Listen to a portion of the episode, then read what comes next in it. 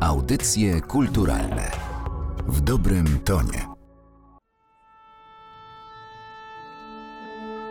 Eufonie 2021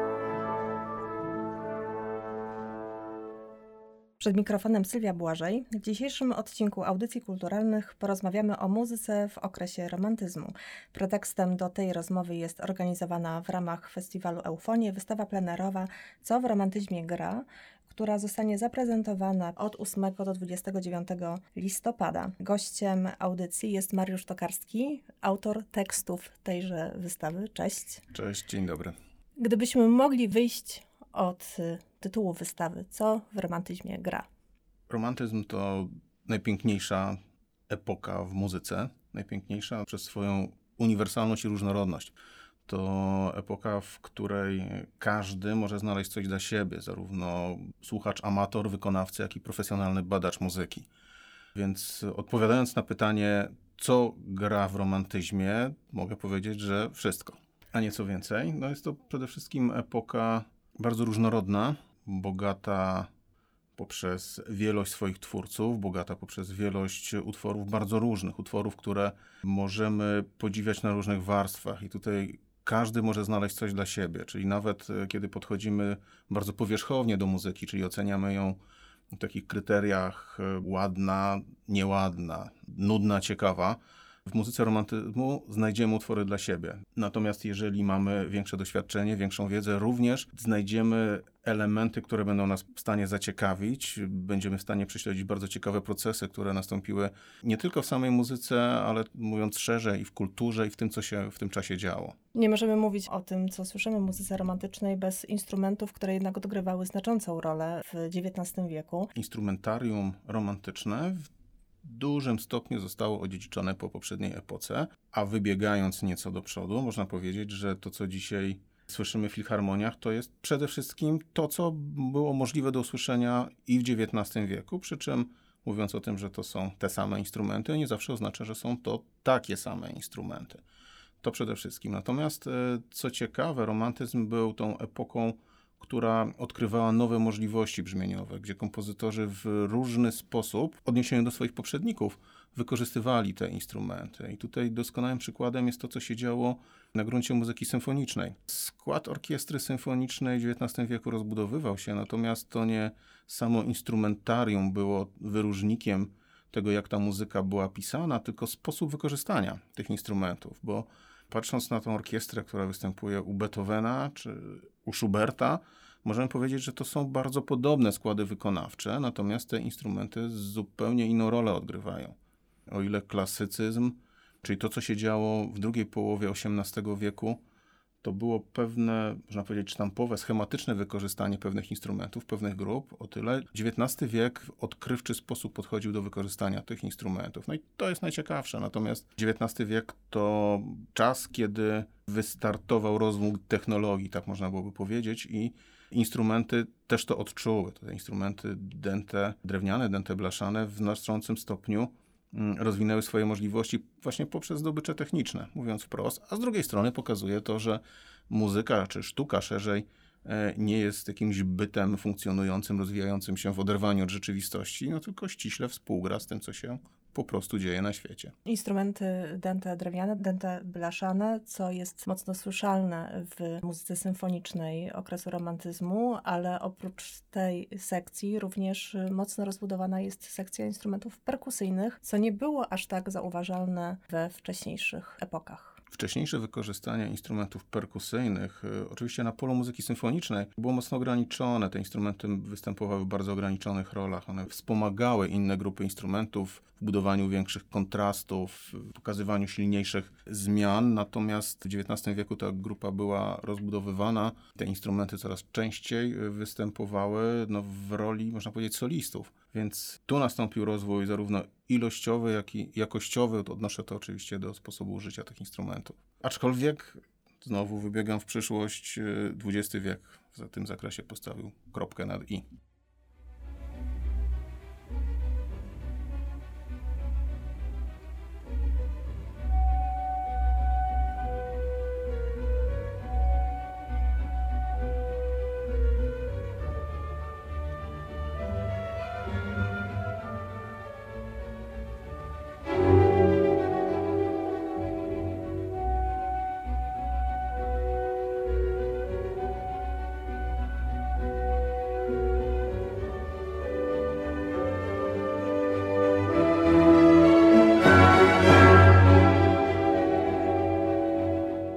obserwując rozwój instrumentu w XIX wieku, można by zadać sobie takie pytanie, na ile zmiana sposobu pisania muzyki wymuszała zmianę instrumentów, a na ile zwiększające się możliwości wykonawcze instrumentów wpływały na rozwój tej muzyki. To są naczynia połączone, to się wszystko działo jednocześnie.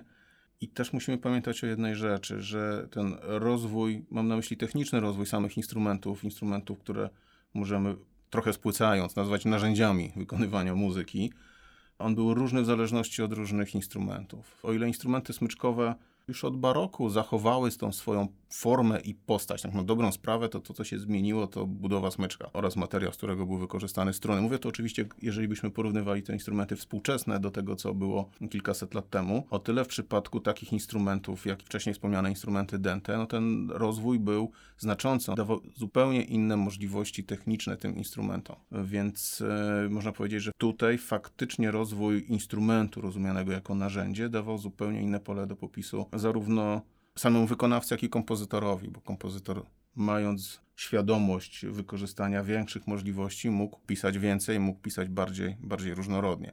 To z kolei nakładało się na pewne etapy czy fazy, jakie można zaobserwować w muzyce romantycznej, czy jak to woli w muzyce XIX-wiecznej, na przykład e, styl brillant, czyli ten styl popisowy, gdzie wirtuozostwo było tym motorem tworzenia muzyki. Tu można powiedzieć, że jest największa zbieżność pomiędzy możliwościami instrumentu, a także możliwościami, umiejętnościami wykonawców, a tym, jak ta muzyka była pisana. Wspomniałeś o instrumentach smyczkowych, które są sercem każdego składu orkiestry symfonicznej. Jest to podstawa, bez której y, kompozytorzy nie mogliby się obejść. I wokół smyczków jest nabudowywana partia poszczególnych instrumentów. Dziedzictwo klasycyzmu, czyli orkiestra klasyczna, czyli rozwiązania, które utrwaliły się w twórczości Haydna, Mozarta i Beethovena, faktycznie pozwalają stwierdzić, że tak, to co mówiłaś jest prawdziwe. Te instrumenty dźwigały ciężar narracji muzycznej, no w takich utworach chociażby jak symfonia, natomiast to co było zdobyczą romantyków, no to coraz większa rola pozostałych grup instrumentów. Te smyczki choć nadal bardzo istotne i w zasadzie w wielu przypadkach faktycznie najważniejsze, już nie dominowały absolutnie tak, jak to było wcześniej. Natomiast jeżeli chodzi o same instrumenty, tak od tej strony technicznej, to tu największe zmiany nastąpiły troszeczkę wcześniej. Czyli w zasadzie to, co przyjął XIX wiek z grubsza, odpowiada temu, co było w poprzedniej epoce w klasycyzmie. Skupiamy się na instrumentach, ale jakże istotny był rozwój form instrumentalnych, koncertów instrumentalnego z Towarzyszeniem Orkiestry Symfonicznej. Tutaj chyba najbardziej jest widoczny ten progres poszczególnych instrumentów solowych, możliwości wykonawcze, co też dawało pole do popisu i kompozytorowi, i soliście, który nierzadko mógł wykonywać bardzo rozbudowywane kadencje. Powiem tak, że na tym polu było dwóch liderów, fortepian i skrzypce. Jeżeli byśmy tak przeanalizowali literaturę XIX-wieczną, literaturę instrumentalną, to te instrumenty, ich rola była zdecydowanie największa. Przy czym y, fortepian, no tu największa zmiana pojawiła się w zasadzie poprzez samo wejście tego instrumentu. Fortepian zastąpił klawesyn, więc to był ten moment największej zmiany. Fortepian oczywiście był udoskonalany, przy czym e, te zmiany to nie był tylko XIX wiek. To tutaj, jeżeli Państwo śledziliście chociażby zmagania na konkursie chopinowskim, mogę polecić posłuchanie nagrań z konkursu, który odbył się na instrumentach z epoki. I tu będziemy słyszeli, jak różnie brzmią fortepiany XIX-wieczne od tych budowanych współcześnie. A to jest, można powiedzieć, ten sam instrument. Więc możemy sobie wyobrazić, jaka była różnica pomiędzy tym, co było w XIX wieku, a tymi pierwszymi modelami. Jeżeli chodzi o skrzypce, no to ten instrument, można powiedzieć, wydobywano z niego coraz więcej, ale tutaj chodzi o rozwój możliwości, o wyobraźnię kompozytorów i możliwości wykonawcze solistów.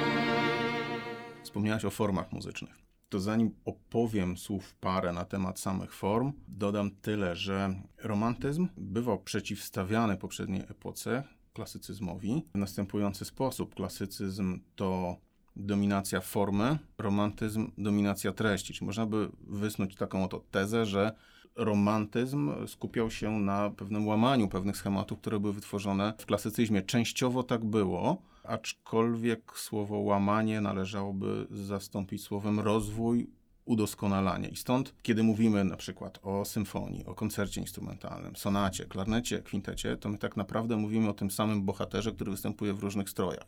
Ten bohater to tak zwany cykl sonatowy, czyli konstrukcja formalna zbudowana z czterech albo trzech części, na której opierają się właśnie wspomniane gatunki. Symfonia, sonata czy koncert instrumentalny. Cykl sonatowy został skrystalizowany w poprzedniej epoce, w klasycyzmie, natomiast kompozytorzy epoki romantycznej ten cykl zmieniali, rozbudowywali, łączyli go z innymi formami i przez to powstała ta wielość form.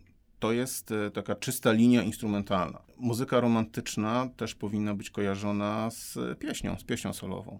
I tu z kolei mamy takie zjawisko, że ta liryka wokalna wpływa nam na to, jak jest tworzona muzyka instrumentalna. To jest przede wszystkim rozwój wszelakich form swobodnych, tak byśmy to ogólnie nazwali. Kolejny czynnik, który spowodował wielość rozwiązań formalnych, jakie możemy znaleźć w muzyce XIX wieku, to rosnące znaczenie muzyki programowej, czyli muzyki nie będącej muzyką o muzyce, tylko muzyki, która przedstawia inne treści, muzyki inspirowanej malarstwem, y, muzyki inspirowanej literaturą. I tu mamy do czynienia z takim oto zjawiskiem, że ta czysta muzyczna forma jest modyfikowana właśnie pod wpływem tych treści, treści pozamuzycznych, więc mm, to powoduje, że e, gdybyśmy tak całościowo spojrzeli na dorobek XIX wieku, tutaj ta wielość form występujących twórczości kompozytorów będzie zdecydowanie większa. Wspominałem o tym, że romantyzm to epoka, która obejmuje XIX wiek. Chociaż możecie Państwo przeprowadzić taki eksperyment, jak w wyszukiwarce wpiszecie romantyzm, to możecie zobaczyć, że pierwsze linki, które wyskoczą, każdy z nich będzie dawał nieco inne ramy czasowe. W jednym się dowiecie, że romantyzm obejmował cały XIX wiek, kolejny, że to był prawie XIX wiek, trzeci wskazywał, że romantyzm rozpoczął się po Beethovenie. Śmierć Beethovena to jest koniec trzeciej dekady, więc zobaczcie Państwo, że też tutaj w różny sposób jest to definiowane, natomiast ułatwiając sobie nieco życie, możemy stwierdzić, że muzyka XIX wieku to jest ten romantyzm. Muzyka tworzona w XIX wieku przechodziła pewne fazy. Początek, czyli ten najbliższy klasycyzmowi, to jest ten styl brillant.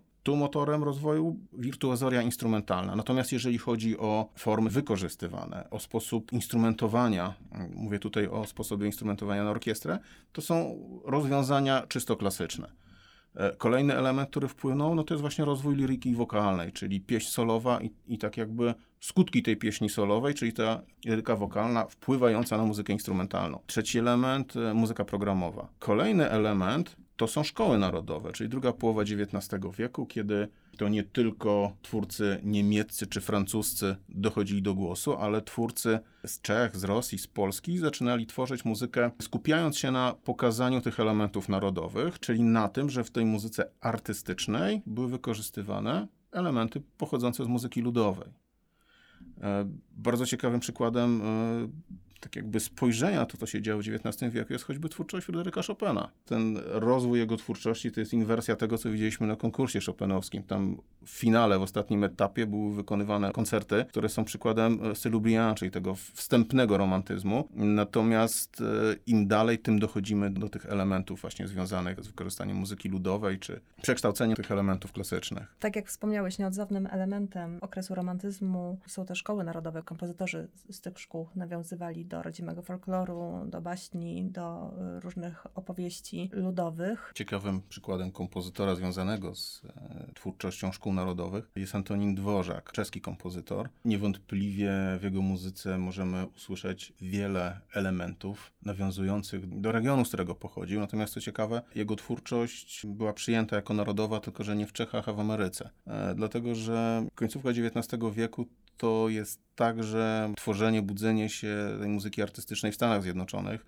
Stanach Zjednoczonych, które nie miały takiego tła, jeżeli chodzi o twórców, jak nacje europejskie, i Amerykanie szukali zapożyczeń właśnie z krajów europejskich. I Dworzak, który zresztą podróżował po Stanach Zjednoczonych pod koniec XIX, mm, był dla Amerykanów objawieniem, ponieważ pokazał, że można tworzyć muzykę ciekawą w sposób inny niż tworzył to na przykład Wagner. Wcześniej to był taki wzorzec, na którym starali się wzorować twórcy amerykańscy i co więcej, tak jakby było też e, oddziaływanie zwrotne, bo w twórczości Dworzaka również znajdziemy elementy amerykańskie, no chociażby Symfonia z Nowego Świata, gdzie znajdziemy na przykład nawiązanie do muzyki Indian. Więc czeski kompozytor narodowy miał także zasługi, jeżeli chodzi o szkoły narodowe, ale dla Ameryki.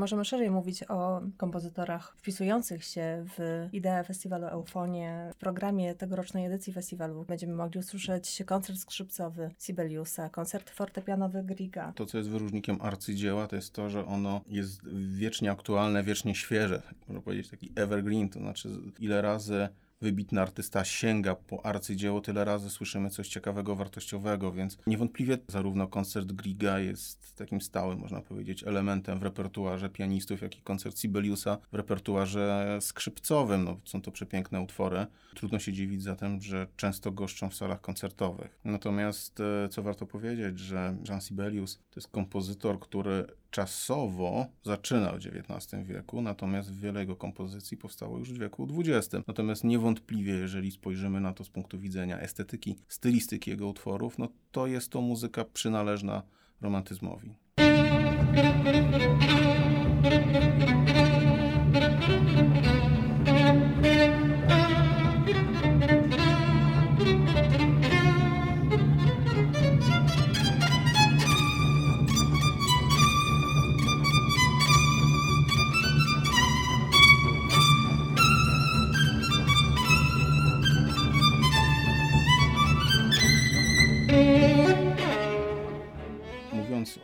Muzyce romantycznej, muzyce XIX-wiecznej, możemy mieć wrażenie, że to jest pewien zabytek. Tak? To jest to muzyka, która była tworzona 100 lat temu, no i to się skończyło. Natomiast to się nie skończyło, dlatego że ta muzyka, ta estetyka, ta instrumentacja, orkiestracja znalazły bardzo podatny grunt muzyce filmowej. Najwięksi twórcy, oni stosują tak naprawdę rozwiązania późnych romantyków. Czyli to, co tworzy Richard Strauss, Gustav Mahler, to te rozwiązania to jest właśnie ta charakterystyczna muzyka hollywoodzka. To jest, są właśnie wynalazki późnych romantyków. Więc mówiąc o muzyce romantycznej, no nie musimy myśleć, że to jest pewien zabytek, który poznajemy, bo było piękne, warto poznać, tylko to jest coś, co się dzieje. Więc też może warto o tym pamiętać. I może dlatego tak chętnie muzyka filmowa gości w salach koncertowych, ale o tym rozmowa następnym razem. Dziękuję. Dziękuję. Eufonie 2021.